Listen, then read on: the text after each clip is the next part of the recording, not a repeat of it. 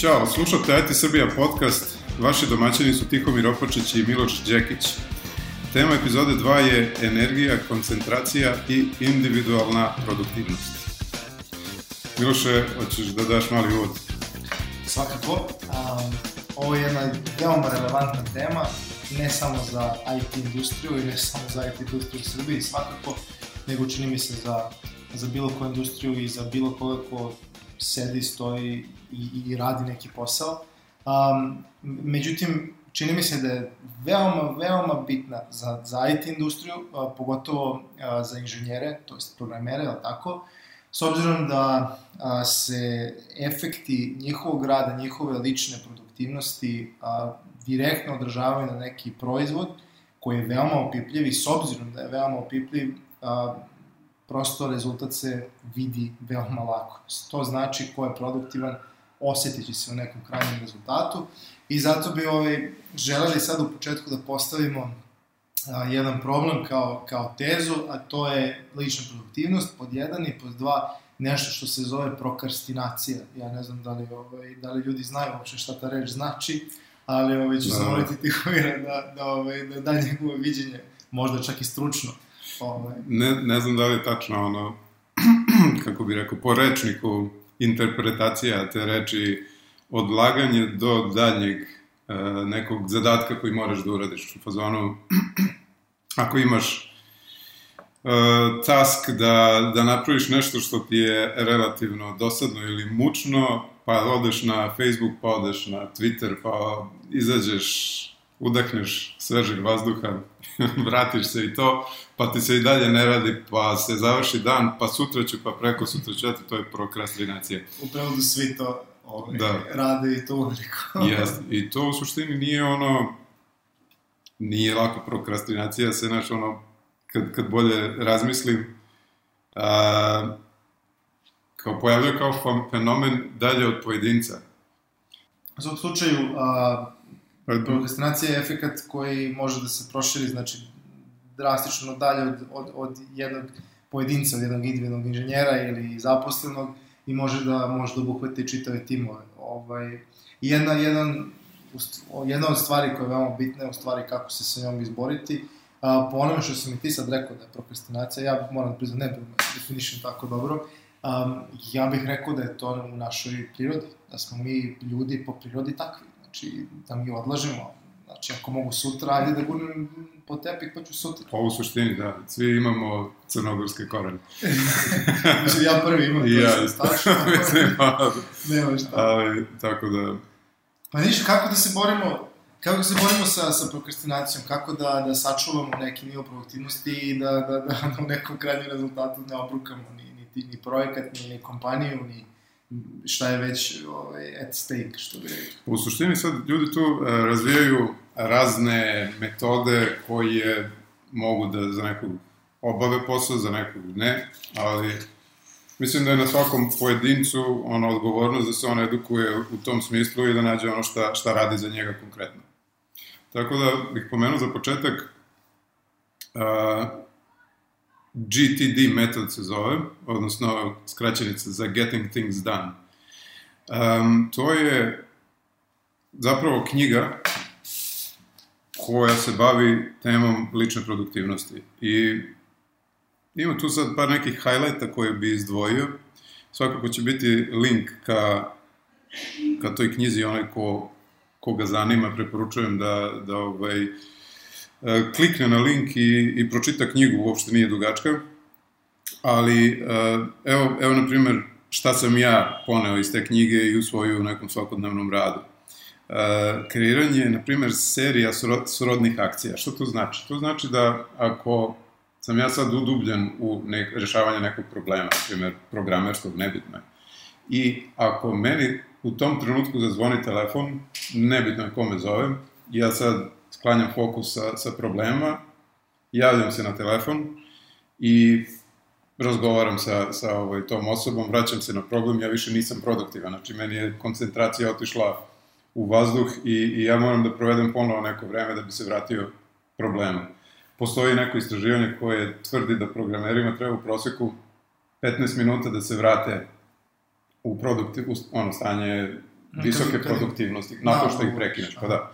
Ovaj, jer ti u glavi imaš gomilu nekih varijabli koje, znaš, ono, pamtiš gde ti je šta, klase, funkcije, u jednom trenutku sve ti se to raspa i ti moraš ponovo da, da protrčiš kroz sve to, da, da sastaviš gde si bio, znaš, poklataš niti misli koje su se raspršile. A, meni je interesantan primer stolara jednog, koji mi je ovaj, skoro nešto jeli, završavao, kako je on to opisao i, i setio sam se odmah ovaj, a, da, da, da mu dam konkretan savjet koji i ti ovde napominju. Jeste. Čovjek, ovaj, kad govori posao, on sedne za svoj stol tamo radni i krene da crta, znaš, on tehnički crtež kako će taj nameštaj da izgleda. Udubi se skroz u to, zazvoni telefon, ej, čao, gde se šta ima, aha, da dođem da donesem naš eh, komad nameštaja, važi, vidimo se u 12, to je to. Nastavi da crta, više ne zna gde ne zna naš, ni, ni mere, ni kome crta, ni šta crta. Tamo se sastavi ono 10 minuta, prođe, ponovo zvoni telefon drugom što je. I tako u krug. Rekao, brate, uzmeš, grupišeš te taskove na jednu stranu. Ako si seo da crtaš, sedi dva sata, crtaj, stavi telefon na silent i pusti nek zvoni, mislim. Ili, znaš, ono, odbijaj poziv ili šta god. Pa onda kasnije, kad si nacrtao što imaš da nacrtaš, uzmeš lepo tu listu poziva i ozvojiš 15-20 minuta, sat vremena, koliko god da ti treba da pričaš sa klijentima i ispričaš se sa njima. I mislim, to je to, znaš, produktivnost automatski skače, zato što brže ćeš nacrtati, nećeš biti na kraju kraja ni nervozan. A pazi, izazovno je to. Evo ja sad, ti si pomenuo jedan primer izbacivanja iz, iz, iz neke, neke produktivnosti, to je kao zvoniti telefona. Hajde da sad to primenimo na realnu sliku, pogotovo 21. vek. Viber, Whatsapp, Facebook, Twitter, Da. tri tačke. I to Yes. sve izgleda, to je sve real time, ono, mislim, ti, ti, ti bukvalno, mislim, mi danas svi momenta kada, kada otvorimo oči, već smo počeli da multitaskujemo. Dobro, ali pazi, to nisu neke stvari koje ti moraš da uradiš. Ja sad pričam o biznisu, znaš, njemu jeste biznis po stolaru, core biznis je da se, znaš, čuje sa mušterijom, mora to da uradi. Tako je. Ali mora da sekretarica. nacrta, znači, i onda... Sekretarica. Lo, pa dobro, mislim, ok, imaš raznih biznisa, malih, velikih, ne možeš svako da priušti ovaj, sekretarice i slično, ali po meni je njegovo rešenje to, da grupiše naš, ono, ne, neke, neke stvari i zadatke koje on obavlja tokom dana da bi bio što efikasniji i efektivniji. Isto tako, ako imaš um, um, recimo ne, ne, neke, neke stvari koje obavljaš van kancelarije, odlazak do banke, ako moraš da odeš i, i do knjigovodstva i do vamo i do tamo, ja mislim da to svi rade, znaš, nećeš da ideš sad u banku, pa se vratiti u kancelariju, pa za sat vremena izaći ponovo, pa otići Da. do računovodstva i to hoćeš ako, ako ti uopšte nije stalo do sobstvenog vremena ili ako voliš da se vozikaš. Ali ovaj, to je to neko grupisanje srodnih stvari. Ako si krenuo u jednom pravcu, obaviš to što imaš u tom domenu i u tom, na primjer, možda mindsetu, pa onda se prebaciš na drugi mindset. Mislim, ako ti posao dopušta. A ako ne, pokušaš da ga ukrojiš da ti dopušta. Čini mi se da je ovo što si upisao dosta se svodi na proces planiranja. Znači, Jeste. da kako si isplanirao i organizovao Tako sebi narednih N minuta ili N sati. To je isto jedna od stvari kojom se bavi ovaj GTD, to kreiranje sobstvenog roadmapa svakog radnog dana. Da sedneš ujutro kad dođeš na posao, neki to rade čak i čim ustanu. Znaš, ono, sedneš Ne, i... ne vidi ljudi, digu sam dva prsta. okay. Znaš, sedneš i kažeš, ok, ovo su moje poslovne obaveze, ovo su moje privatne obaveze, znam da će nešto još da mi leti, ovde ću biti rezervisan, Tako. napraviš listu stvari, ko, kako, šta i kako radiš i ne razmišljaš. Znači, um, slobodno mogu da kažem da da se osjećaš i opuštenije i oslobođenije tokom radnog dana kad imaš takav plan, nego kad ga nemaš pa kao... E, ma, malo to, da, da, da izviniš što te prekinem, mislim da zavisi od, od, tipa ličnosti, znači, Mhm. evo, evo, evo, recimo ja, s moje strane, ja sam malo i control freak, ono što bi rekli, i onda Dobro. ja zaista volim da organizujem kako će mi izgledati dan, čak ponekad i malo više dana napred. I dosta gledam u kalendar, pazim gde je šta stavljeno i tako dalje. Međutim, znam ljude koji su toliko apsurdno suprotni od, od mene, da oni odbijaju uporno bilo kakvu vrstu planiranja unapred. Kao, na primjer, dizajneri. Pa, ne, ne želimo, ne želimo sad da poklopimo možda sve dizajnere, znači ima svih čini mi se tipova ličnosti u svim, a, a, Jeste. ali moram da priznam, kad bih se usudio da generalizujem, pazim, da sam ovo upako u oblonu, kad bih se usudio da generalizujem, da, generalno veoma kreativni ljudi, a, dosta svoje kreativnosti organizuju nekako haotično, iz- izvlače iz Jeste. nekog haosa i onda Ne, generalno... ne, ne žele da, da budu uslovljeni vremenskim okvirima Jeste. i, i nekakvim ono, stavkama na papiru. Zato sam ja počeo sa inženjerima, ja nisam, nisam Da. se ni usudio da, da uđem u ovu malo kreativniju varijantu. Dobro, znači mi koji se bavimo kao nekim ono, webom, to su nam kolege, Yes. bukvalno sa njima svaki dan Evo, ja sarađujemo. jednog i, i to je, to je realnost i uvijek imamo takvu neku vrstu sukova, ovaj, Jeste. da, da li se ko organizovao, gde je tvoj roadmap i tako dalje. Da. to je baš tako. I, I još jedna onako zanimljiva stvar koja deluje kao logična svakom koji čuje, ali mogu da potpišem da ljudi to ne rade. Ovaj, ako pravimo, na primjer, taj roadmap na, na početku dana, uh, postoji savet da sve što kraje, traje kraće od 5 minuta uradiš odmah. Znači, praviš roadmap i, na, na primjer, ako, ako treba tog dana da pošalješ mail, otkud znam klijentu, ej, brate, hoćeš da mi platiš više? Ovo, ovaj, i, i znaš da ti... I znaš da ovaj, ti za to ne treba duže od 30 sekundi ili minut, uzmeš odmah to iskucaš i ne stavljaš uopšte na listu, jer ovako samo ti pravi ono, zagušenje i... Sa time se toliko slažem iz, iz ličnog iskustva, zato što svaki put kada sam ostavio za kasnije, to je neke neviđene razlike. Nema, ne postoji. Što su dani, Da. danima, zna da se otegnu.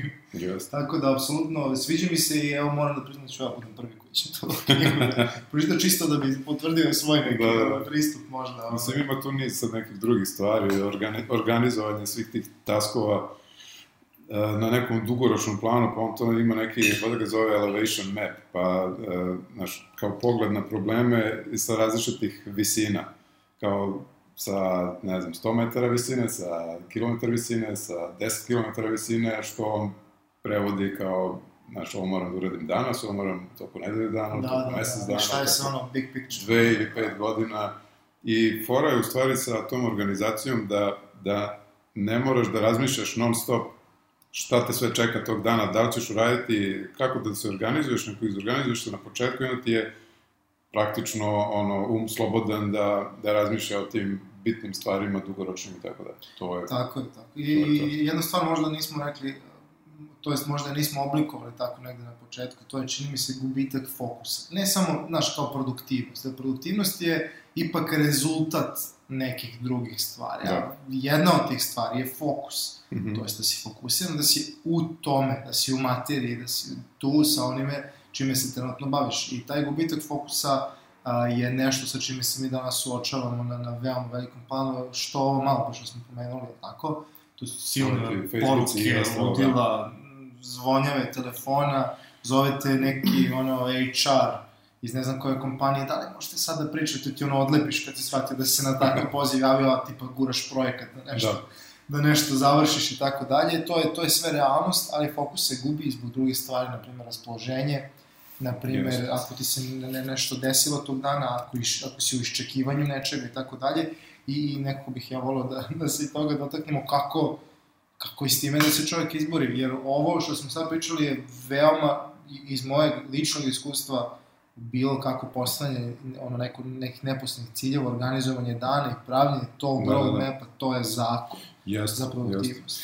Naravno, pazi, ono, što se kaže, ljudi smo, nismo mašine, pa kao sve utiče na tebe, od toga da li je vedar i sunčan dan, ili tmuran kao danas, ili, ovaj, i, znaš, ono, da si skoro, nemam pojma, preležu grip i takve stvari, sve to utiče na neki lični nivo energije i A volje da ne se ulazimo u različite vrste Mislio sam da, znaš, ono, manje više o tim nekim uopštenim stvarima popričamo na kraju. A kad se spomenuo Facebook i, i slične te distrakcije, a, negde sam, sad ne znam više gde na internetu, ono, verovatno nekom YouTube videu, čuo dobar savet po, po pitanju distrakcija i u poslovnom i u privatnom životu. Ima lik, lik taj, ne bih sad znao, a, da, da, da mu se setim na pamet čak ni imena, ali potrudit ću se da nađem i da linkujem taj video. Um, on, na primer, za sebe tvrdi i ljudi koji ga poznaju tvrde, tvrde da je čovjek jako organizovan i posvećen i, i ono, muž i otac i, i poslovni čovjek, odnosno vlasnik i vođa neke firme. A, I njegov savjet kako to postiže je bukvalno da ono uklanja te distrakcije iz svog života gde god, u kom god kontekstu se nalaze. Znači, ako sam ja sad u kontekstu uh, programera, ja onda moram da sklonim sve što mi smeta da budem vrhunski programer. Ako sam ja u kontekstu uh, Ćaleta koji se igra sa svojom čerkom, ja treba da isto sklonim sve što mi smeta da ja budem najbolji Ćale u tom trenutku. Znači, nema telefona, čitaš, ne znam, vesti ili otko znam, gledaš na Facebook Tako. ili ovo ili ono, znači... Nego fokus. Fokus na to što trenutno radiš i to je jako dobar savjet koga je teško se pridržavati. ok, dobro, da, da ne budemo da izmenemo lice, veri, znaš. Da. Ovo, ovaj, tu da, dajemo neki savjet. Apsolutno, eto, čini mi smo se, da smo se nekako složili da, da je, treba se paziti gubitka fokusa i evo, apsolutno se ja slažem pripaziti na to koje stvari, ali to je ona priča um, samokritičnost i generalno samoanaliza, znaš, yes. ti da ti znaš šta tebi smeta, šta tebe izbacuje iz produktivnosti, ako ti shvatiš, a to je, kažu da je poznavanje problema pola rešenja, znači da ako ti uočiš problem, znači moja produktivnost trpi od toga što ja na Twitteru gledam kome je zapratio, gledam na Faceu da li mi je prihvaćen friend request ili ne znam, Viber, ono, ludnice, znaš, znaš na Viber imaju, imaju i grupe, pa ljudi znaju ja, baš da spavaju ima, ima tu ono psihologija i za, i za takve stvari, kad, znaš, ono, gledaš ko te zaproti, to ti nekako malo boostuje ego i da se ti malo bolje osjećaš ako si down zbog nekog drugog problema koji imaš taj dan u životu. Ja, ne bih u to dolazio. Nek, nekad ćemo, nadam se, napraviti epizodu koja, koja nije možda skroz ono aj ti znaš ono industrija, ali, ali tako malo kao da, social da. networking i da, to, to bi taj ono paralelni, virtualni život i te, da, da. te priče, ja bih rado to imao nešto da kažem. Ovaj, možemo da, da, da kažem da, da pričamo i, i, i o tome, ovaj, ako nešto radimo, tako, svi mi, pogotovo u IT industrija, čini mi se svuda, imamo neki alat, tako, kojim posao obavljamo. Znači, ja se sećam nešto kad sam učio na fakultetu, imaš osnovna obrtna sredstva vamo. Tamo je ta osnovna sredstva, to je ono što ti koristiš za rad. Pa on je tamo što radi u proizvodnji, on radi na nekoj mašini, evo ja ću sad da odvalim, neko radi na nekoj tamo glodalici, da. iako ja zaista ne znam šta je to, ali ja vezi to je neko zapravo pao na pamet. Ja recimo kada razvijam softver, evo recimo kad se time bavim, ja imam neki svoj alat. I sad, to je kad prosto prođeš neke godine rada, ti shvatiš da ti jedan alat mnogo više prije od drugog. I to direktno vidiš kada probaš neke nove alate, vidiš čoveče, ja razvijam mnogo brže, neke stvari su mnogo lakše, neke, na primjer, one, one, one stvari koje, koje se ponavljaju, znaš, ono ti olakša, da, da. mi kao iz programerske priče, oni snippeti tamo, da, da, da. neka ludila. E sad, čini mi se da to ljudi ne znaju, da se ljudi naviknu na jedan alat, i onaj tamo recimo mogo bi na svoju glodalicu da nakači nešto što bi moglo glodalicu da mu radi duplo da, brže, ali da. on to jednostavno ne, ne bavi se čovjek time da li to za njegovu glodalicu postoji ne ili mogu bi da nosim drugi rukavici, mogu bi ovo, e tako mi ovde u, u, IT svetu da, koristimo da, razne razne alate. Pre, prevedeno u, u ovaj IT rečnik, možda Ja, ja sam veliki fan Jeffrey Way, ne znam jesi ti gledao njegove videe. To, ali...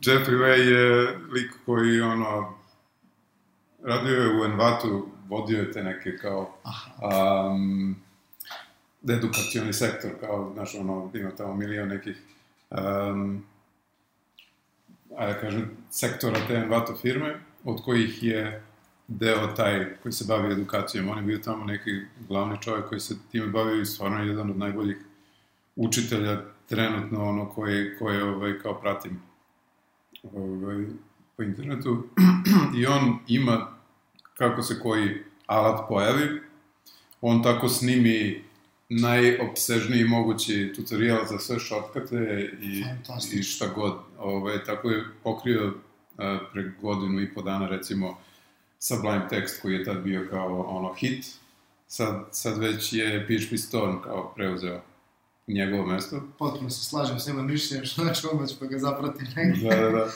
biće, ali, biće ali. Da, da, da, naravno. Ali isto tako je on sad odradio uh, i za PHP Storm. Zapravo, mislim da je samo napravio, odnosno postoji kao um, uputstvo kako najlakše da pređeš sa Sublime teksta na PHP Storm.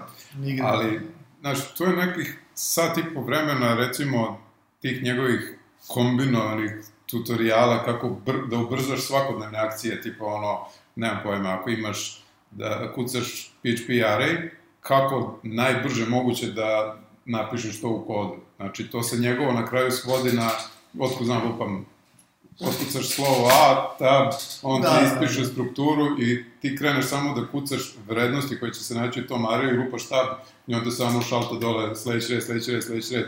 Ti, ti si to završio bukvalno ono za, recimo, 5 sekundi, a trebalo bi ti inače 15 sekundi da sve to peške otkucaš. I ljudi, znaš, ono često, kao, ma nema veze, ja brzo kucam, smlatit ću ja to očas posle. Pogotovo, Emmet se zvao taj plugin, sad ja nešto nisam više u, u, toliko često u programiranju, ne znam, možda ima nešto pametnije, bolje, ili se taj Emmet može čak drugačije zove, ali to je ona fora što kad kucaš HTML, otkucaš D recimo za div, on ti napravi odmah opening i, i closing tag, pozicionira ti kursor u sredinu, ti tu otkucaš pa da, paragraf A za anchor tekst, samo te, znaš, ono vodi I ti to šibaš i kad neko sedi pored tebe, pogotovo junior, on misli da si ti mađioničar. Jeste, ali to je sad uključeno, inače, u većinu, čini mi se, nekih razloga. Verovatno, to, su, to je sad ko dobar dan, nekada je to, ja mislim, samo Microsoft znao da napravi da. ono vrhunski ono alat, onaj Visual Studio je stvarno fantastičan alat, da sad ne ulazim u, u tehnologiju i to su vrhunski alat, to su snippeti koji, koji ti letiš, može da otkucaš sve i svašta. Mislim da ljudi yes. to i ne znaju. Ali ja, ja imam utisak, mislim, da ljudi to generalno ne koriste. Ne koriste, ne koriste, znači, ali, ali to, to je što nisu videli nikog da to radi, nije im bilo, wow, vidi šta ovaj da, da, izgleda. Da, da, da. Zato se meni sad dopao što sam pomenuo tog čoveka, jer ja nikad takve stvari nisam gledao, ja sam to nešto sam provaljivo uvek. I recimo, eto što ljudi ne znaju da mogu da rade, a to je da u većini današnjih modernih razvojnih okruženja da prave svoje snippete. Ja recimo kad god sam programirao, a, uvek sam copy-paste znaš, neki kod. Zato što nekad si ti nešto već uradio yes. i sad šta se dešava? Dešava mi se da imam veliki gubitak vremena dok se setim gde sam radio, dok se setim pa da, da lociraš to gde je to tačno, pa da ti iščupaš, pa da izmeniš. A svelo se na to da meni treba tri klika, da ja insertujem nešto što sam ja nekako tagovao, što meni završava posao da. za, za, za sekund i pol. Da, da, da. Eto, ljudi, na primjer, to ne znaju da radi. Yes. Ne znaju da uopšte imaju opciju da naprave sobstveni kod snippet da defuraju neki svoj stil i tako dalje i tako dalje. E sad, kad, kad, si, kad si pomenuo klik, na primjer, jedan od saveta je da ne koristiš da ne klikćeš uopšte, znači koliko god možeš da koristiš tastaturu, znaš, i da se sad tu do, do te mere u detalje, da ti se ruke ne pomeraju sa, znaš, ono, staviš ih na tastaturu i tako cepaš i da pomeraš ih ono dok stvarno ne moraš da pomeriš dok otiš. Okay. A to je uvek top, to je prosto uvek nekako top tema u svetu, ja se sećam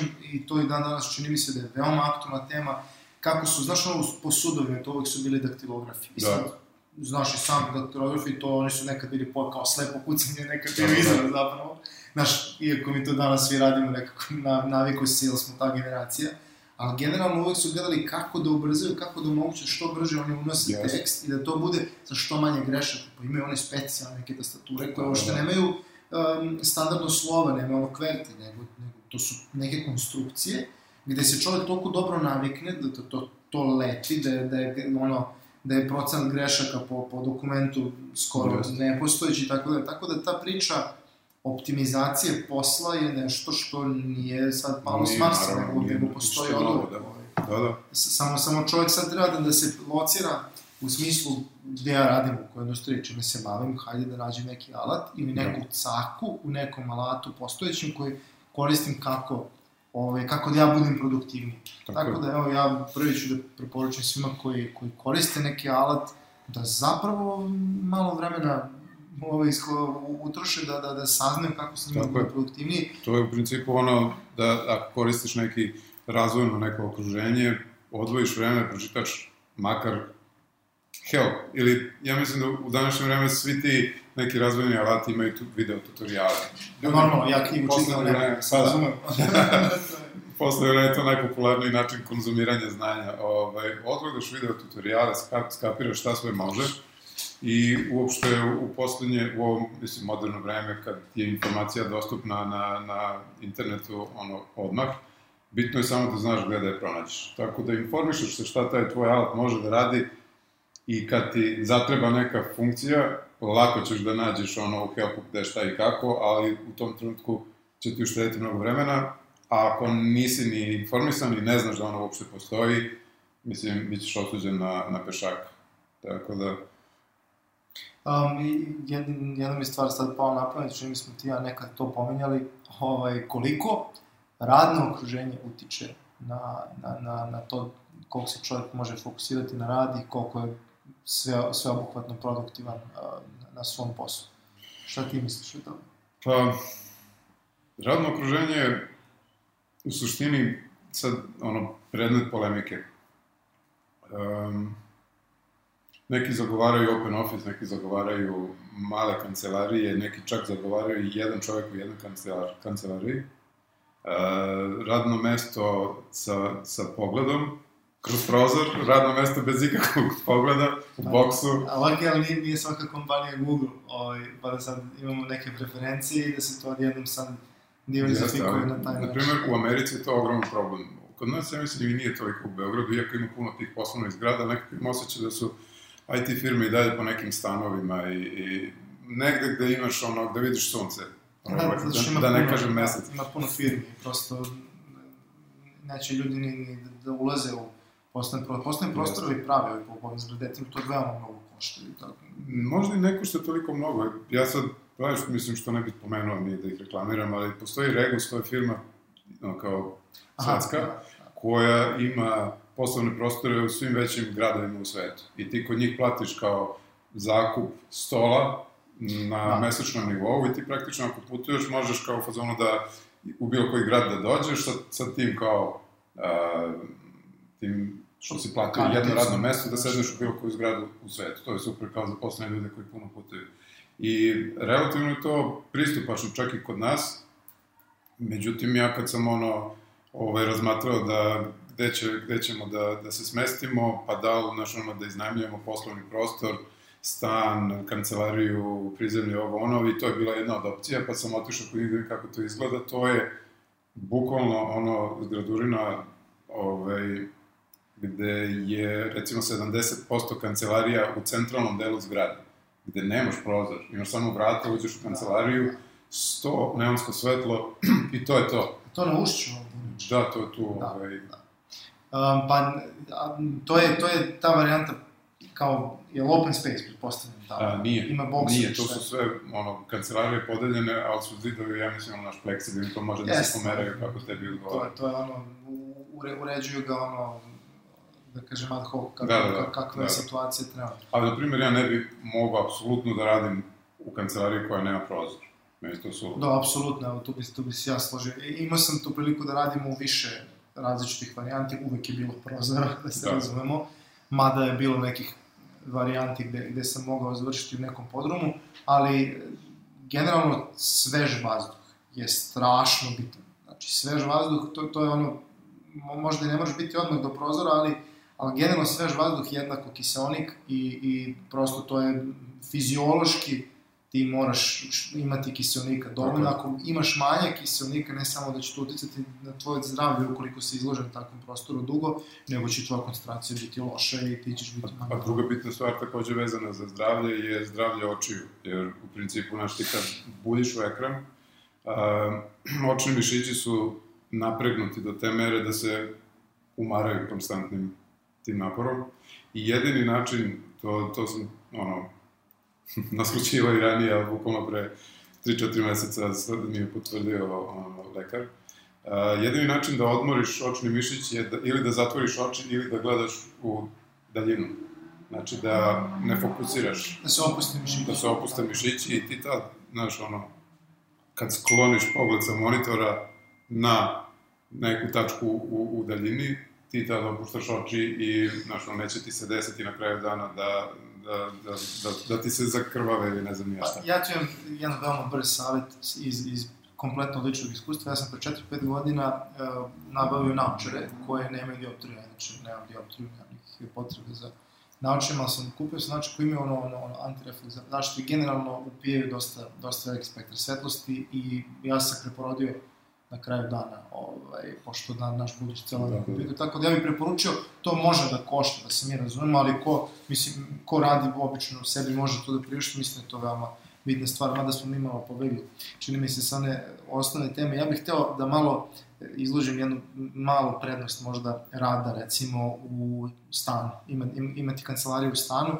pošto ljudi ne znaju, ljudi danas i kada recimo idu s fakulteta, znaš, pa zamišljaju gde će raditi, oni zapravo zamišljaju jednu poslovnu zgradu i neke kancelarije, ne znam baš da li zamišljaju open space, ja sam se sa time suočio tek kad sam prvi put u životu otišao na praksu.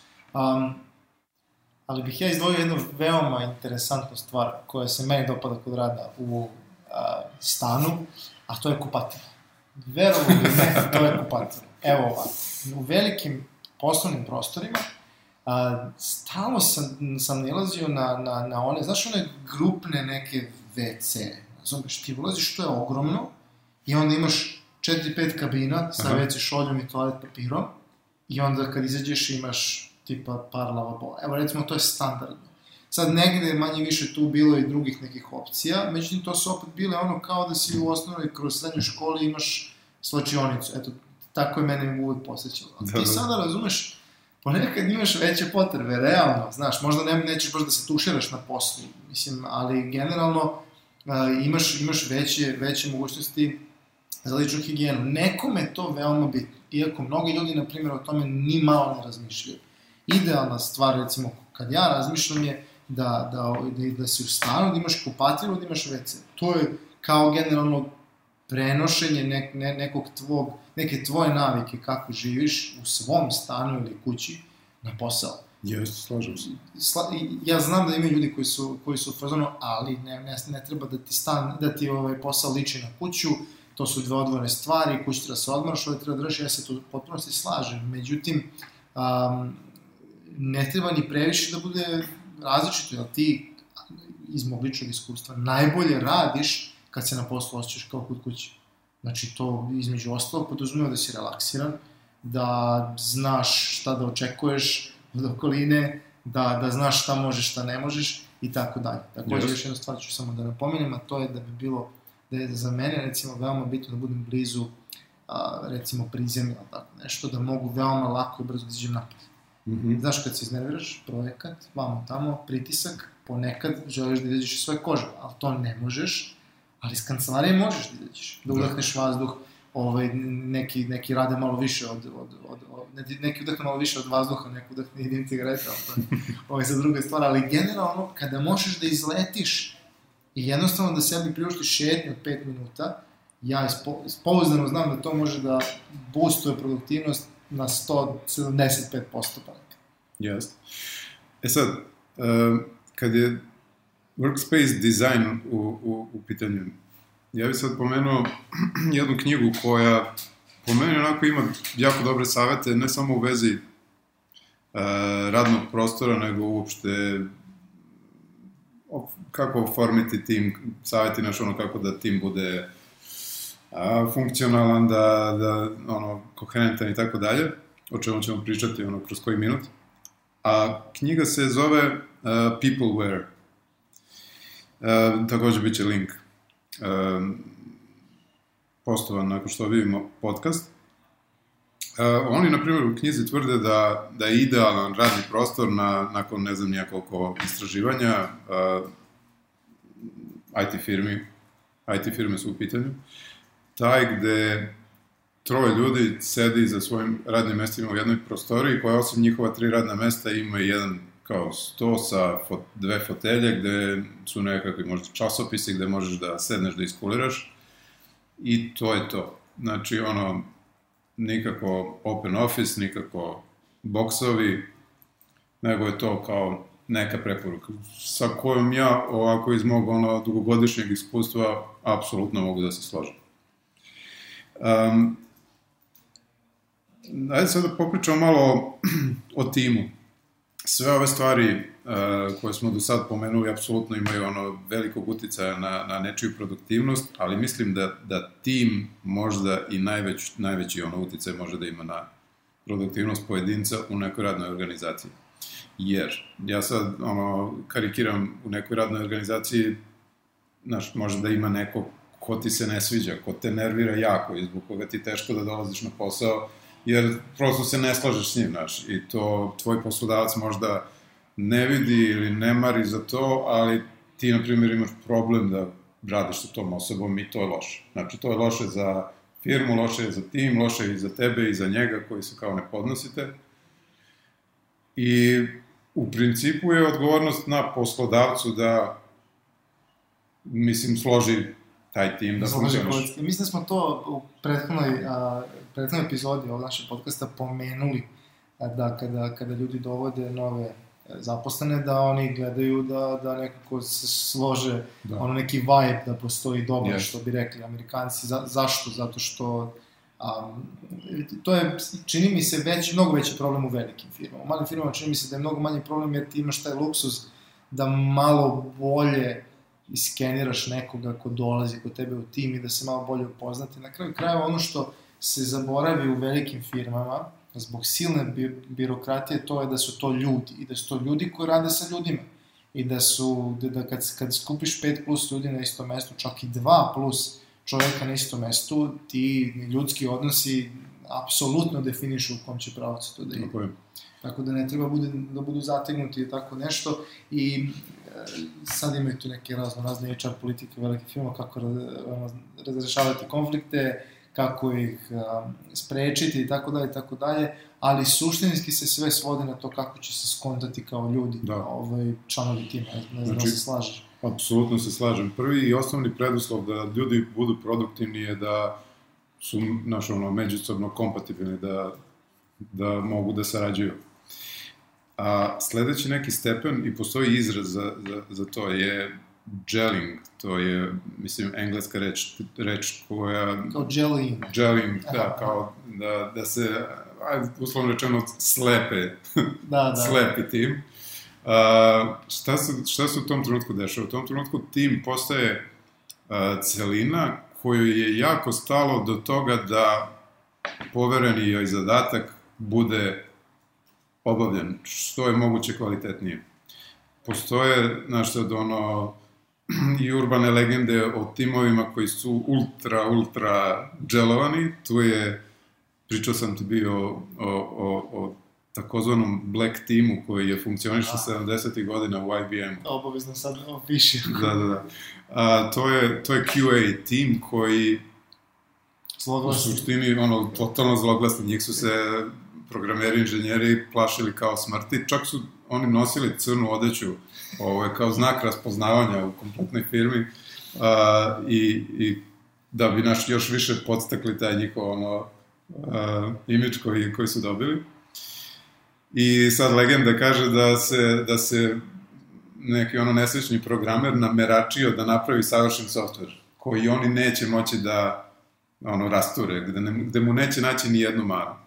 I oni su sad ljuštili to, tumbali na, na ovaj i na onaj način, da bi na kraju um, našli u suštini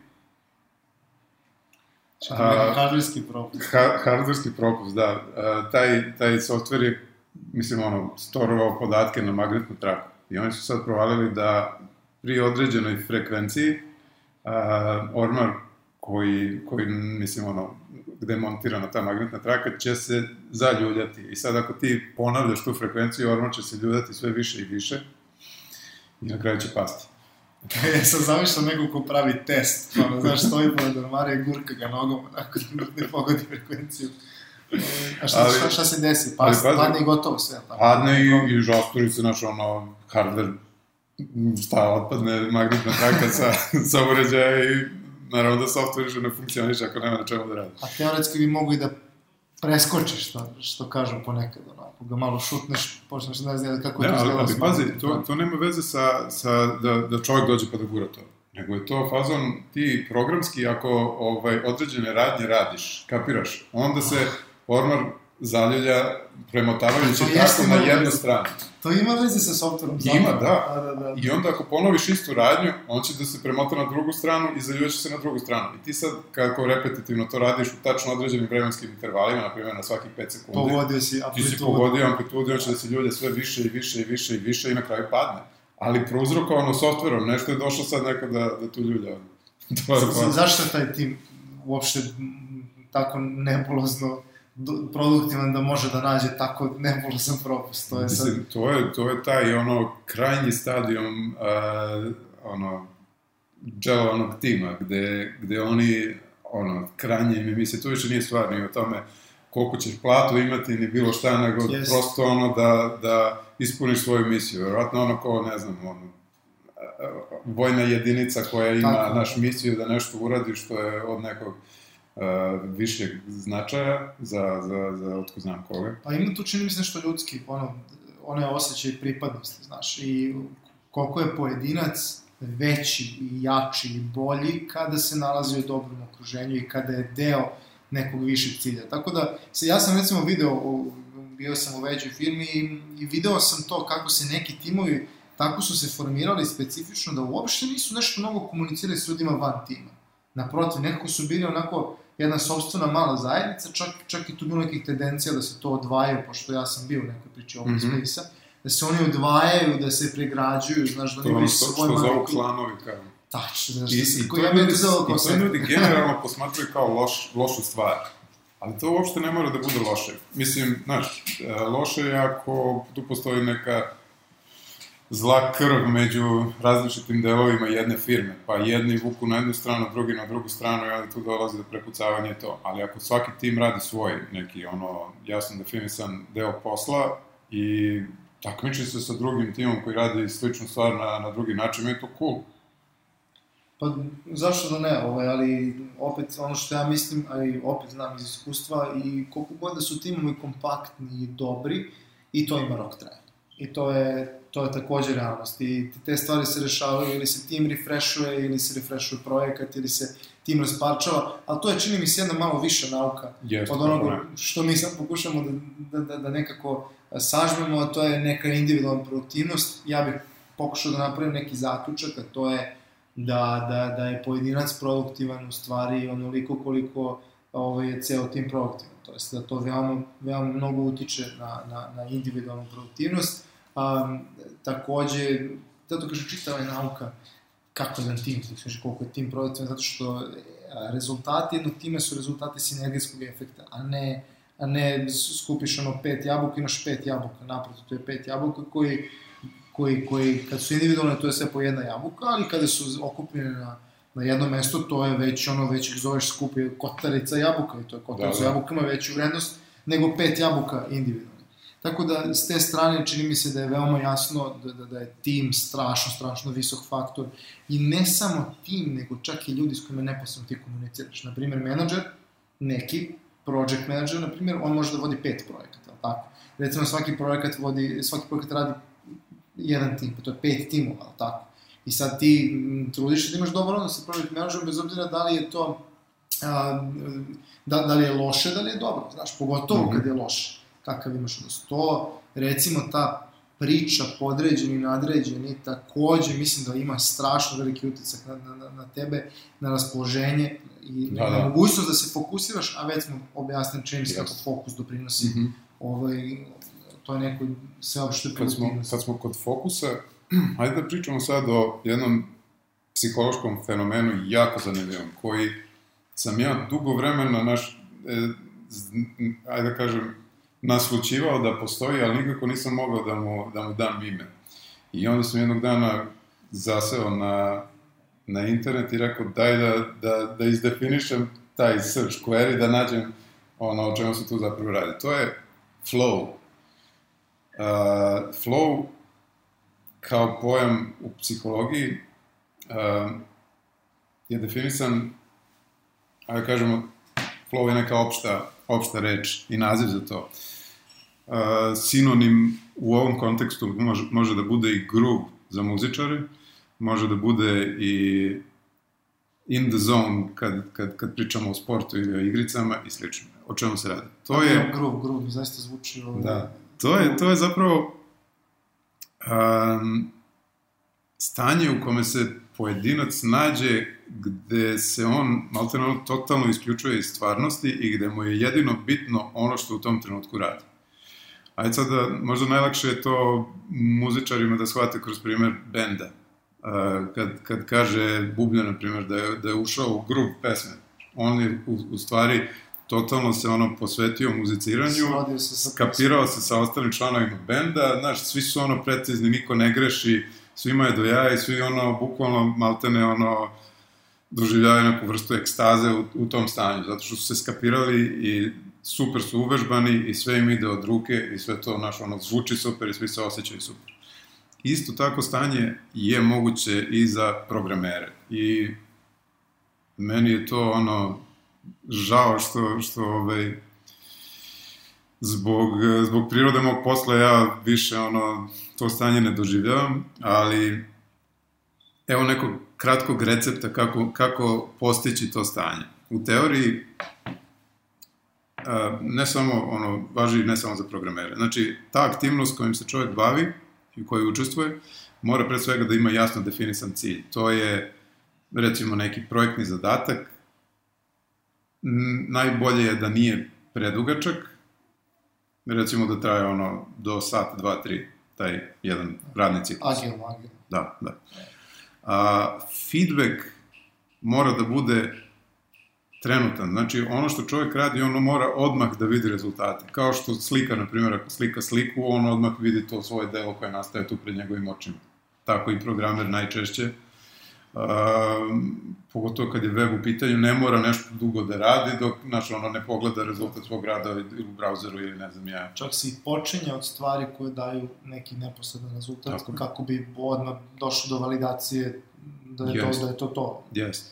I na kraju, učesnik da bi, da bi došao u to stanje flowa, mora da ima dovoljno znanja i veštine da obavi zahtevani zadatak. Što znači ne sme da ima neki bloker koji će ga onemogućiti da, da u kontinuitetu radi na rešavanju problema. Recimo, ako, ako nekom nedostaje znanje o određenoj tehnologiji, e, taj neko neće moći da postigne stanje flowa zašto će morati stalno da ide da, da čita, da uči i tako dalje. Ali, ipak je poželjno da postoji određen, određen ono, mali, mali segment neznanja u smislu da kad završiš taj posao da osjećaš zadovoljstvo zato što si uradio nešto što je bilo na granici tvojih mogućnosti.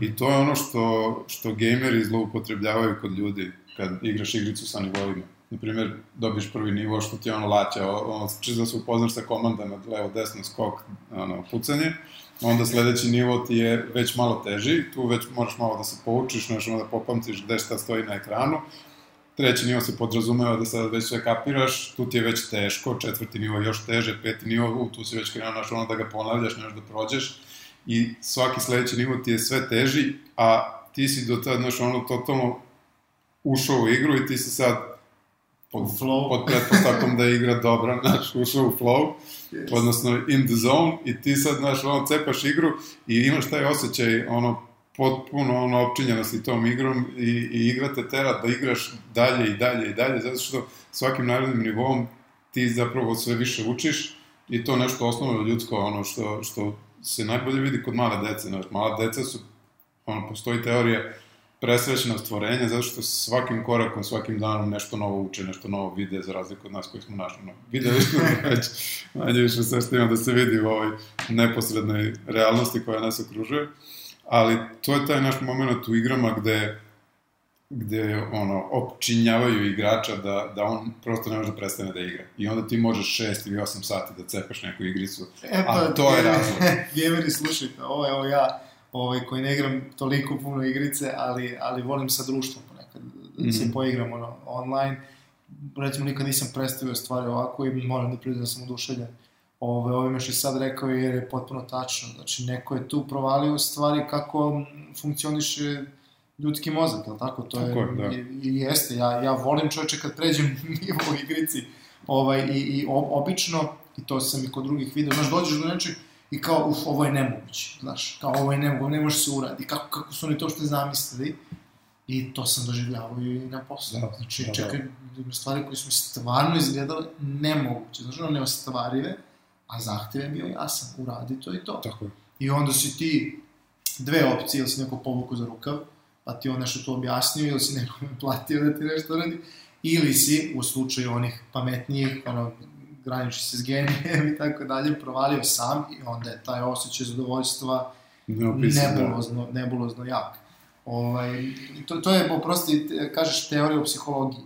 Tako je. Daću link, ono ima link na, na Wikipediji, to je jako lepo opisano i razrađeno, znaš, ono, pisane su knjige na tu temu i svašta nešto.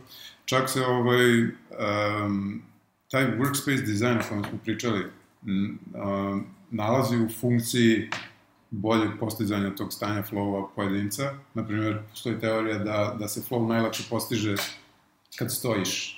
Ne znam da li si čuo da, da ovaj, navodno sve više firmi ima, ima stolove gde ti staviš računar, ali nemaju stolice, nego su stolovi ono u, visinu, u visini, ne znam, tvojih laktova kad stojiš i ti tu stojiš zapravo i radiš. Pa ja imam primjer uh, kolege jednog koji, koji ima epizode takve u kojima uzme na svoj sto, postavi nekoliko kutija koje ono, znaš, od, od, od monitora, od e, kućišta, ovih standardnih desktop računara i to, i onda stavi laptop na to, i bukvalno ja kad uđem, on ima slušalice, on sluša muziku, cepa kod, razumiješ, i izgleda mi ko neki DJ, razumiješ, ali znam, znam, pouzdano da on time postiže neke, neke stravovalne nivoje produktivnosti, ovaj, Jeste. tako da, s te strane, ne znam da razumijem pita ga je u flow. da, da, ali, Ovaj. ali pazi, on nije tu tada, ja se, ja se znam Aha. kad, kad mu upadnem u Da, office, onda si bi ga... Nevjerovatno, rastavio, bukvalno da. moraš da ga ono, prekriš, onda ja imam neke fazone tu pre, prvo preko Skype-a napišem. Ne znam, jesi, pa da. jesi gledao film možda ovaj Social Network? Mislim, Jesam, ali to je čim se nešto davno da sam gledao sam. Pa, nije mi to što ima, skoro. ima, recimo, ne znam, Lupiću, dve godine, Pa ne, to je mnogo, više, tri godine. koliko filmu izašlo. Ovaj, ali Social Network, ono, po Facebooku, ono, Sećam se od, od strane Facebooka sponzorisan film, valjda. E, tamo se, na primjer, isto pominje taj flow. To je ono, uh, čak ovaj, Mark Zuckerberg u nekom trenutku sedi sa slušalicama i kao programira nešto i u nekom trenutku mu prilazi onaj ortak ko, koga je ispalio, mislim, za kintu i sve. I kao da skidamo te slušalice, ja kao besen, u fazonu, kao si normalan, kao ja sam u flow, kao št, zašto, zašto si to uradio? Kao, maltene ono, bogohuljenje, znači, to. Tako da, ovaj, Znamo da je film, pošto ne verujem da bi Zuckerberg sebe programirao, ali okej. da, da. Pa, platio čovjek, možda ga predstavi, da se Ne, predstavi ništa- kako hoće. sporno. Ovaj, tako da, znaš, to je prisutno u, u, u programerskoj kulturi generalno na zapadu. Kod nas, iskren da budem ono koliko dugo sam radio, ja sam dosta kasno naišao na, na ono kovanicu, odnosno termin koji je stavio ime na to što sam ja osjećao dugo godina nazad. I to Mhm. mi je onako bio kao vrhunac i I rekao, još je ono u psihologiji kao super, da. nije naivna stvar. E, i ja sam nešto se setio da si mi pomenjao, da je, ja nisam znao da to tako zovu ovaj, vani, ono kao boosters i drainers. Pa da, mislim, boosters i drainers kao u smislu šta te podiže i šta, šta te spušta generalno. E sad, ono, tu možemo da pričamo o, o, o tim stvarima kao nešto što te ne samo na poslu, nego i u životu motiviše da, da, da, da nešto radiš ili da ti nešto bude lakše.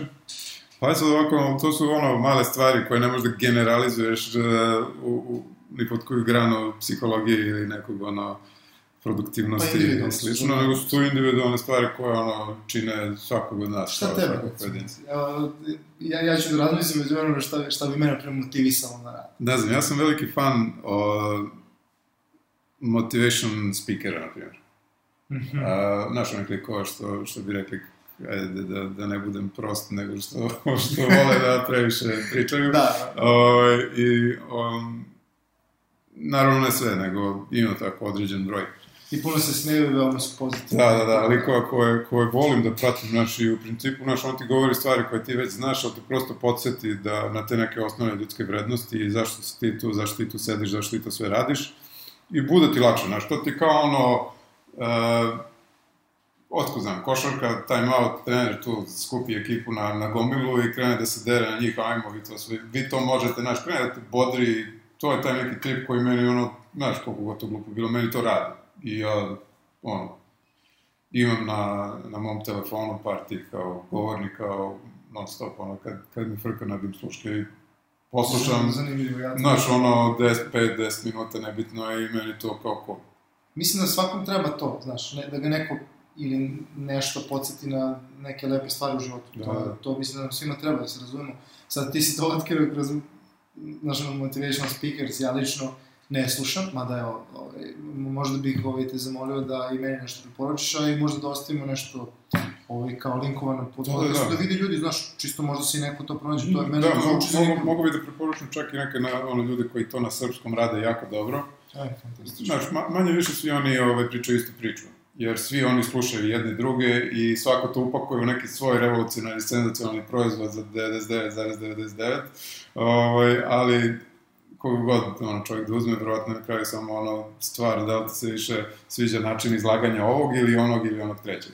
Da. Ja recimo ne bih mogao da slušam ljude koji psuju, ja zato i ne, ne gledam stand-up comedy. Da, Da, da, da. da. Mnogo psuju, a mene to Dobro, recimo znaš. ne ide mnogo živcira, ali Da. ovaj, šta još bi ti recimo izdvojio kao, kao, kao booster, ali tako? Ovaj, Booster, ali baš da. konkretno šta Ajde, te ajde pričamo da samo, pro? samo o boosterima, ono, za početak, pa ćemo ovaj, negativnim stvarima kasnije. Šta, e, kafa, na primjer.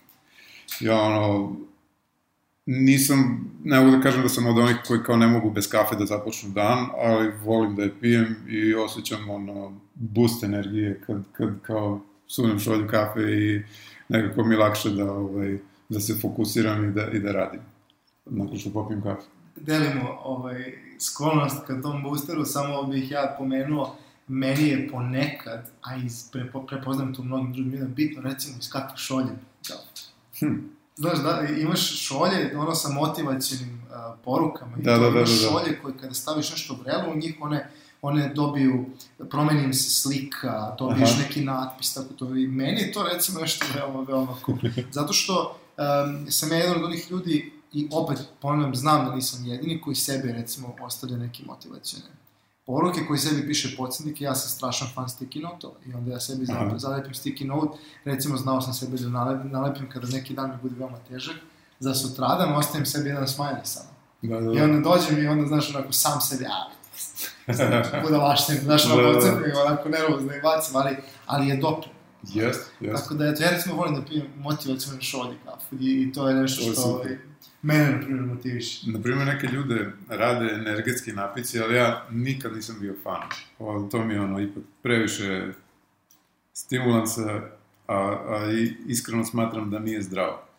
Ovaj, u, u generalno kao startup firmama ja sam ono viđao pun frižider energetskih napitaka i, i drogirane programere. Znaš, ono, naliju se time i, i svi su ono, naš, naelektrisano i sve pršti koliko rade, ali prođe godina dana i svi su u fazonu, naš, ono, više su iscrpljeni nego neko ko ne pije ništa. A oni ne mogu bez toga. Znači, E. bukvalno se navuku i droga je i onda kao što se desi, a, vlasnici firme ili ono koji, koji, koji kao se brinu o, o ljudima kažu, e, nema više, prelazimo na zdravu hranu. Da, i to onako ga se seku Da. ono, motkom, ali ja ću tu sad reći moje mišljenje kako je do toga došlo, znači, prvo mi nismo videli energetski energetsko piće do, do pre ne znam koliko godina, znači, Pa prvo se pojavila Guarana i reći ću ti, to je bilo 97. recimo. pa da, krajem, krajem Da, tamo prošlog veka, sedme. fazon, ali, ali š- šta hoću da kažem, nisu bile toliko popularne, a i moraš priznati gde su počele da budu popularne isključivo po mlade populacije, a zašto? Zato što firme koje proizvode kroz prodaju, kroz distribuiraju, su se veoma mnogo potrudile da naprave onaj takozvani sampling, Da, to jest da daju besplatno, pogotovo po srednjim školama i fakultetima. I bukvalno imamo generaciju ljudi koji su navučene na energetska pića. Mislim, evo ja, skoro su bile ove poplave, ove, ove užas što zadesio zemlju, i sad, znaš, ne, neko je mogao da doprinese ovako, neko onako, mi smo nešto drugari otišli da kao volontiramo u nekoj školi. I sad najviše volontera, hvala Bogu, bilo je među tim mlađim ljudima, pogotovo tako srednjoškolcima. I, to. I ja sad izlazim napolje iz one neke, neke opštine, i no, oko njih 20, svi drže Red Bull i piju i puše cigaretu. da. I ja pomislim čoveče koji kombo, razumeš? Sećam se sebe, ono 17 godina, govorana i pivo, što, se, Da. što je užas. Da, da, da, da. Ali otkud sad to? Znači, neko je pozicionirao to u svest i ovaj, imamo sad prosto jednu navučenost. I na, na radnom mestu kapiram da može da te boostuje brže i jače nego kafa, ali preveliki je impakt na zdravlje, tako Da, da, da, mislim, mislim, da, znaš, ja ga nikad ne bi podao pod booster. Po, postoji nešto što, što je ono, što se desi manje više svakom pre ili kasnije, burnout. Uh, to je ono, krajnja neproduktivnost, to je bukvalno maltene ono pred gašenje sistema. Kad se ono, do te mere iscrpiš na poslu, zbog, otko znam, nekog roka, a, pa, pa radiš bez prestanka, možda i bez spavanja nekoliko dana za redom i onda ti ono pada mrak na oči i ne znaš gde si. Znači, ja kapiram da u tom trenutku kad ti konzumiraš još više tih napitaka ono, energetskih, da postoji realan rizik po ono, tvoje zdravlje koji ono... I to neposredan i Da, da, može da veoma se brzo završi, može se da, da fatalno, fatalno Da, može da. završi, znači čak smo to i slušali jedan puta. Ovaj, i čak se i ne otkriva puno, znaš ono, kad se desi ono, ono tragedija da, da, da, da je preminuo preminula mlada osoba na žurci, tako to, to, je, to se desi zato što ljudi tako pobrkaju. Jeste. Da, da, da, mislim, treba biti Nažalost. jako, jako oprezan što se toga tiče. Tako da ja ne bi to nikad po- podveo pod booster, a, može nekome biti. Da, da, da. Znamo da ljudi to piju i to piju veoma intenzivno, ali je to generalno loše i ja se Još- ne bi time bavio. Nekima još- je čaj, recimo, zamena Čaj je za kafu. cool, I da. čaj je sasvim, ja isto ponekad, znaš, ono, ne, nekad sam kafa, nekad sam čaj, Da, znaš, da. zavisi od nekog vremena, kada recimo sad dolazi zima i to, kafa recimo je loša za imunitet, ljudi to možda ne znaju, pogotovo kafa s mlekom. Sad Mhm. ja pazi koji pijem kafu s mlekom i tako da je, kako, kako to rešavaš, tako što malo možda prevagnem, pa više pijem čaj. Imam Da. vrhunskih čajeva koji, koji veoma mnogo mogu da, da zamene kafu. Jasno. E sad, kad smo kod nezdravih stvari, a, cigare, znaš, ono, kao push pauze, to je priča. baš posebna priča. Ja sam, ono, bivši pušač a, i sad sam apsolutno protiv pušenja. Tek kad prestaneš da pušaš, vidiš koliko je Pa bivši pušač su Bolje. najgori ne pušači. Ovaj, i, I ne zagovaram, apsolutno, ono, nas dvojica ne zagovaramo pušenje, ali moram da kažem da je jedna stvar u vezi push pauza, ono, apsolutno bila pozitivna kod mene dok sam pušio. To je ono, na, male nagrade za kratke sprintove. Naprimjer, uh, imaš ovu teoriju flowa koju smo pomenuli. Ti sad radiš te male segmente po 2 do 3 sata, ono, totalno se izgubiš u poslu, super ti je, odradio si to, na kraju si presrećan što si rešio taj problem, osjećaš se jako uh, uzbuđeno zbog toga i pametno i, i onda izađeš napolje kao zapališ cigaru da se nagradiš, ono kao bravo, bravo Tihomire, super si to uradio, znači to je taj fazan. I to je jedino što mi nedostaje kod pušenja, ako ćemo realno, sve ostalo je bez veze. A nagrade se ljudi čokoladicom. Ali da, mislim, nađe se nešto drugo.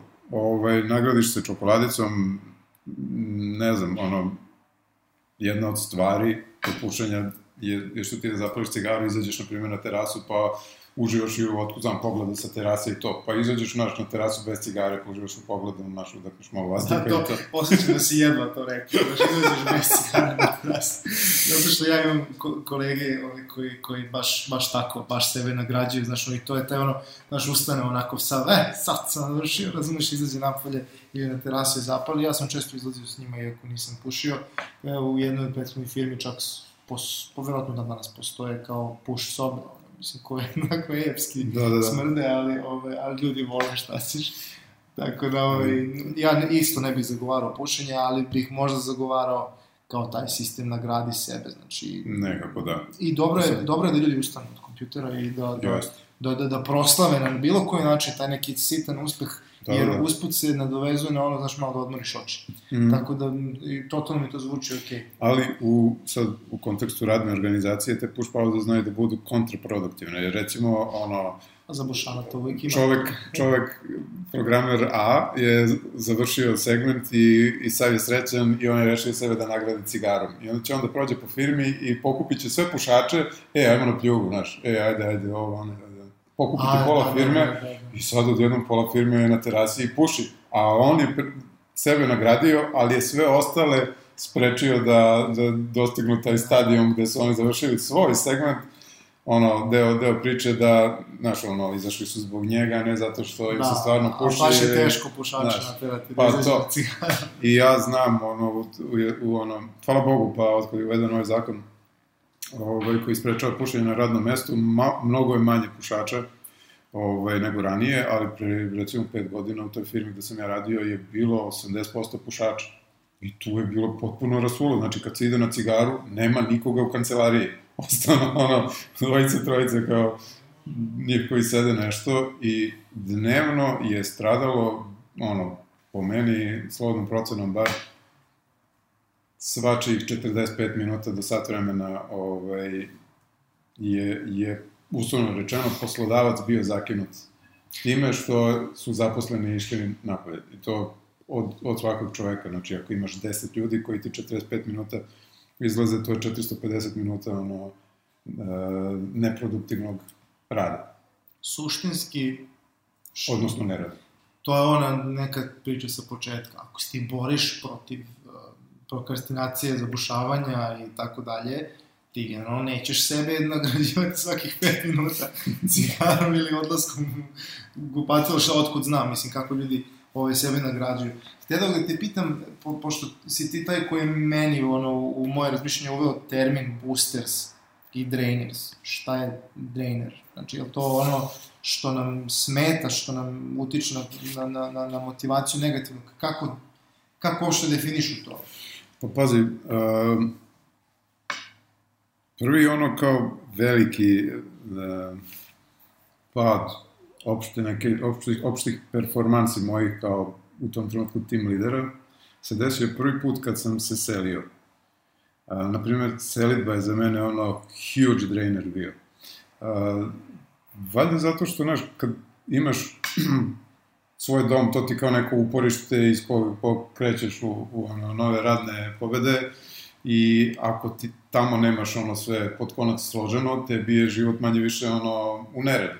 I to je mene toliko pogodilo da ne samo, znaš, ono proces traženja novog stana i šta god, nego, nego samo selebe, znaš, ti kad se preseliš, ti si u nekim kutijama, da, jednom sam se selio, ali veoma dobro znam da, kako je. I, i, i, i tu non stop neka nervoza vlada, dok god ne rasporediš poslednju stvar, izvodiš je iz ono, svoje kutije i staviš na svoje mesto, ti imaš određen ono, pa, nivo može, haosa u glavi. To može godinu dana da. Da, da, bukvalno.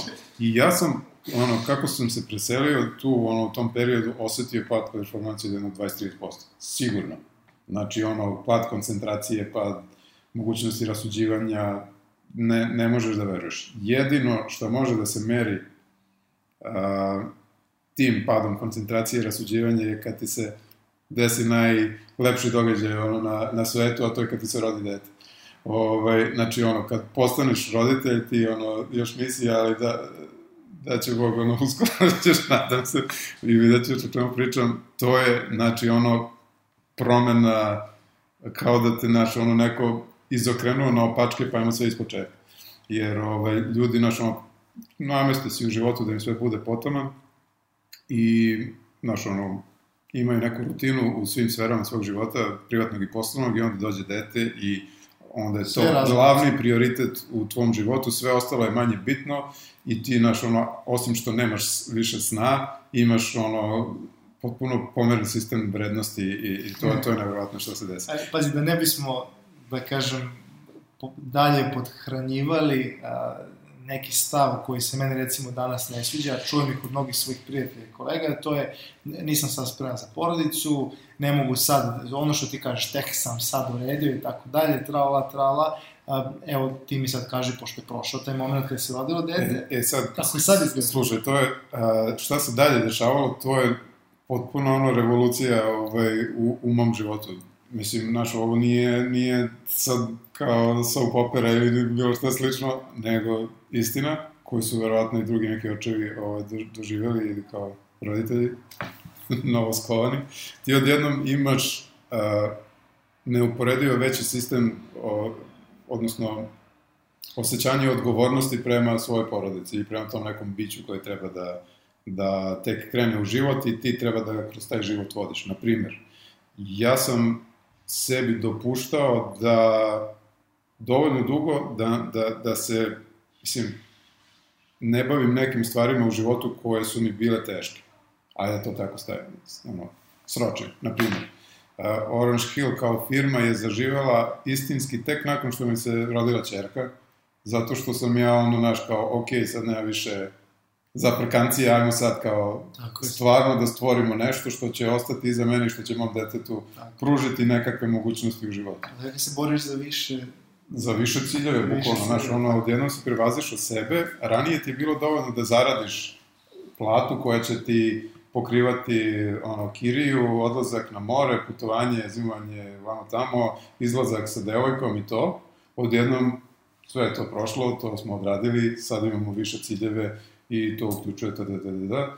Ove, svako se, mislim, vjerojatno formuliše na svoj način. Pa to je bio znači onda trenutni drainer koji se pretvorio u ultimativni booster. Ne, verovatno, znači, ono, ako pričamo o najvećem mogućem boosteru, to je ono, rođenje deteta, ali, znaš, efekat je odložen. da, pa, pa dobro, ništa, pa, pa to je, pa opet, opet život, ljudski, znači, kao, kao majka koja, koja rađa na 9 meseci, nosi dete, pa mora prođe kroz veoma onako naporan proces Da, da, da. nekad bude i veoma, veoma naporan i tako dalje, ali onda dođe dete i sve se zaboravi, naravno. Jeste. Tako da ja sam htio nekako da, da, da, da, da podsjetimo ljude koji se eventualno boje od, od izlaska iz komfort zone i započinjanja porodice, širenja decom i tako dalje, da doći će stvari na svoje mesto i to ne da će da dođu, nego, nego potencijalno će da dođu i da pređu nivoje ko, koje smo nekad ono možda je. videli, videli ovaj. Ja, ja recimo, što se trenera tiče, dosta stvari može da utiče na mene. Recimo, Mhm. ja sam teški meteoropata, evo sad vidiš i sam s- sve tmurnije tmurnije vreme, meni je to katastrofa da to Da, aktivnosti, onda ja to lečim razno raznim boosterima, kako ti kažeš, pokušavam sebe da ubedim da, da je vreme bolje i tako dalje, ali, ali recimo tu ja najbolje lečim muzikom. Znači, mi to E, nismo da, da, da, pomenuli da, uopšte i ti ja smo ljubitelji muzike, ovaj, da, da sad tu ne ganemo ko više voli muziku, to je nemoguće, ali recimo muzika je sastavni deo života, stoga i sastavni deo posla i može biti fenomenalan booster koji može da nadiđe, da, da, da prevaziđe tolike neke probleme, da, da sam, potpuno sam svoju tvoju terminologiju, te booster, te drainer, ali generalno e, i vaša produktivnost može zavisiti zapravo od toga koju muziku slušati, na koji Tako način slušati na poslu. Ja mislim da ono, to je potpuno individualna stvar. Naprimjer, meni je jedno vreme, i ja mislim i dan danas, muzika iz filma, filma Oblivion, ovaj, Tom Cruise, A, da. tako mi vozi, kad, ono, stvorena je za programiranje, totalno preporučujem taj soundtrack svima, ali inače, znači, ono, ja kao volim glasniju muziku, metal i slično, što nekima potpuno ono, razbija koncentraciju, apsolutno. Mene to, na primjer, napaja energiju. A, pa ne, evo, ako mogu da dam iz mog nekog iskustva, ja u nekom normalnom workflowu dnevnom volim da slušam lagano opuštenu muziku, znači ponekad i radio, znaš. Mhm. Međutim, kada je rock treba da se stigne, metal i hard rock je zakon. Znači, Da, da, da. to se odvali i ti, ono, znaš, džuskaš, ono, uz, uz stoli, cepaš i stižeš rock. Mislim, to je tako, ono. Da, me, me, meni se dešavalo kao, e, kao, šta, šta radiš? Jel meni pričaš? A ne, slemuješ, ok. A dobro, da. Ti ovaj, tako i ličiš više ovaj, da si podoban za to. Ja, ja, ja nekako, recimo, ja sam uvijek prije slušao metal, kad sam, kad sam bio mlađi, ali nikad nisam izgledao kao metal. Da, da, da. Znaš, ono, ni- niko nije provalio, znaš, mada ja umem i, umem i da šaram malo, ovaj, nisam, nisam veran ni na koji način nikakvom žanru. Ovaj, recimo, moj, moj kolega kroz šef, kroz, kroz, kroz zapravo veoma dobar prijatelj s kojim, s kojim radim na poslu, on recimo ima takve šetnje sa žanrovima da je to neverovatno. On, on kako oseti da ga neki žanr gura u produktivnost, on tako fura dan, Da, dva, da, da. tri, to ponekad ode i na cecu, da se mi razumemo. Što ja nemam ništa protiv, naravno, mislim, ceca, ono, srpska majka i tako to, ali recimo ja nikada ne mogu budem Da. produktivan uz cecu. A on, danas je Bajaga, sutra je ceca, preko sutra je neki ono minimal, razumeš, ono neki tehno, stvarno i po tom pitanju mu malo i zavidim što može tako da veže zapravo super. produktivnost svoju na, na neko vreme za određeni žanr i to radi. Čoveč, on je veoma produktivan zapravo kao, kao inženjer, na primjer. Strašno produktivan, ja tu ovaj, sam čak i od njega malo neke caki možda i pokupio, znaš, što je normalno, ti kad si u timu s nekim, to je razmena, fora i fazona, Da, mislim, da, da. ja nekad nisam pio čaj na primjer, onda sam vidio kolegu da pije čaj i to onda sam ja malo ću, koji ti tu čaj piješ? Pa vidiš, ja ovaj, onako, onako, ovaj pijem o, onda, ovaj pijem onda, ja probao i to radi zapravo. Radi, bre, znaš, ima um, jedna stvar koju sam ja kao iz neke, uh, ajde da kažem, uzračice bukvalno primenio u, u, u realnom svetu. Imaš ono kao staviš različite šešire na glavu u zavisnosti od uloge koju u tom trenutku igraš, pa kao a, na primjer, staviš svoj programerski šešir kad programiraš, a staviš svoj, otko znam, šešir za testiranje kad testiraš, a šešir za za sastanke, kad imaš sastanke i to. Ja, ja bi imao deset šešira, onda čoveče šta pa, sam... znam, ali, na primjer, što je meni bilo ono, pomagalo u produktivnosti jednom trenutku kad sam imao neki ono nenormalan rok da, da završim je kao kaubojski šešir. Kao kupio sam kaubojski šešir i stavim ga na glavu i nešto. Transformišem se u neku drugu osobu i, i kao lakše mi da, da izađem na kraj sa To je, pazi, roleplay. Roleplay je generalno da ja sad ne bih se usudio da probam da citiram neki izvor, ali sam svakako istraživanje čitao, pošto se ja generalno roleplay gamingu nekim bavim, ono, u slobodno vreme vrlo često, um, ume da reši puno problema i da, pre, da prevaziđe razno razne ono, situacije u životu, kada ti zapravo se uživiš u neku ulogu. Tako da to ima čitava neka nauka i za toga možda ćemo nekad moći o tome više da pričamo. Um, trenutno osjećam da se prilično smračava, ovaj, a i mi čini se dolazimo do kraja ovaj, naše druge epizode, pa sam ja hteo da iskoristim priliku vi znate da smo mi nekako tek počeli sa ovim podcastom i mi se veoma radujemo što možemo da, da razgovaramo na ovu temu i voljeli bismo da nam se što više ljudi priključi u, razno raznim formama komentara online, tamo gde mi ovaj, postujemo naš podcast i, takođe bismo voljeli da čujemo šta, koga bi ljudi koga bi ljudi voleli da čuju, ljudi iz koje oblasti, iz koje ovaj, iz kog dela IT industrije i tako dalje, da pokušamo prosto i mi da porazgovaramo s nekima neke zanimljive teme. Tako je, znači naša ono, osnovna misija razbijanje tabua iz, iz IT a, industrije domaće i strane, da pričamo o svemu što, znači ono, što niste smeli do sad da pitate, Ovaj, ima jako, jako puno stvari na tu temu. Mi imamo ono, spisak tema koji se uvećava bukvalno ono, iz dana u dan i o kojima ćemo, nadam se, imati prilike da, da pričamo, a nadam se da će, da će nas neko imati volje i da nas sluša. Ovaj, ja bih vas ovim rečima pozdravio do sledećeg slušanja. Miloše, Ništa, vidimo se veoma uskoro u sledećoj epizodi. vidimo kroz slušam. Tako je. Pozdrav. Ćao.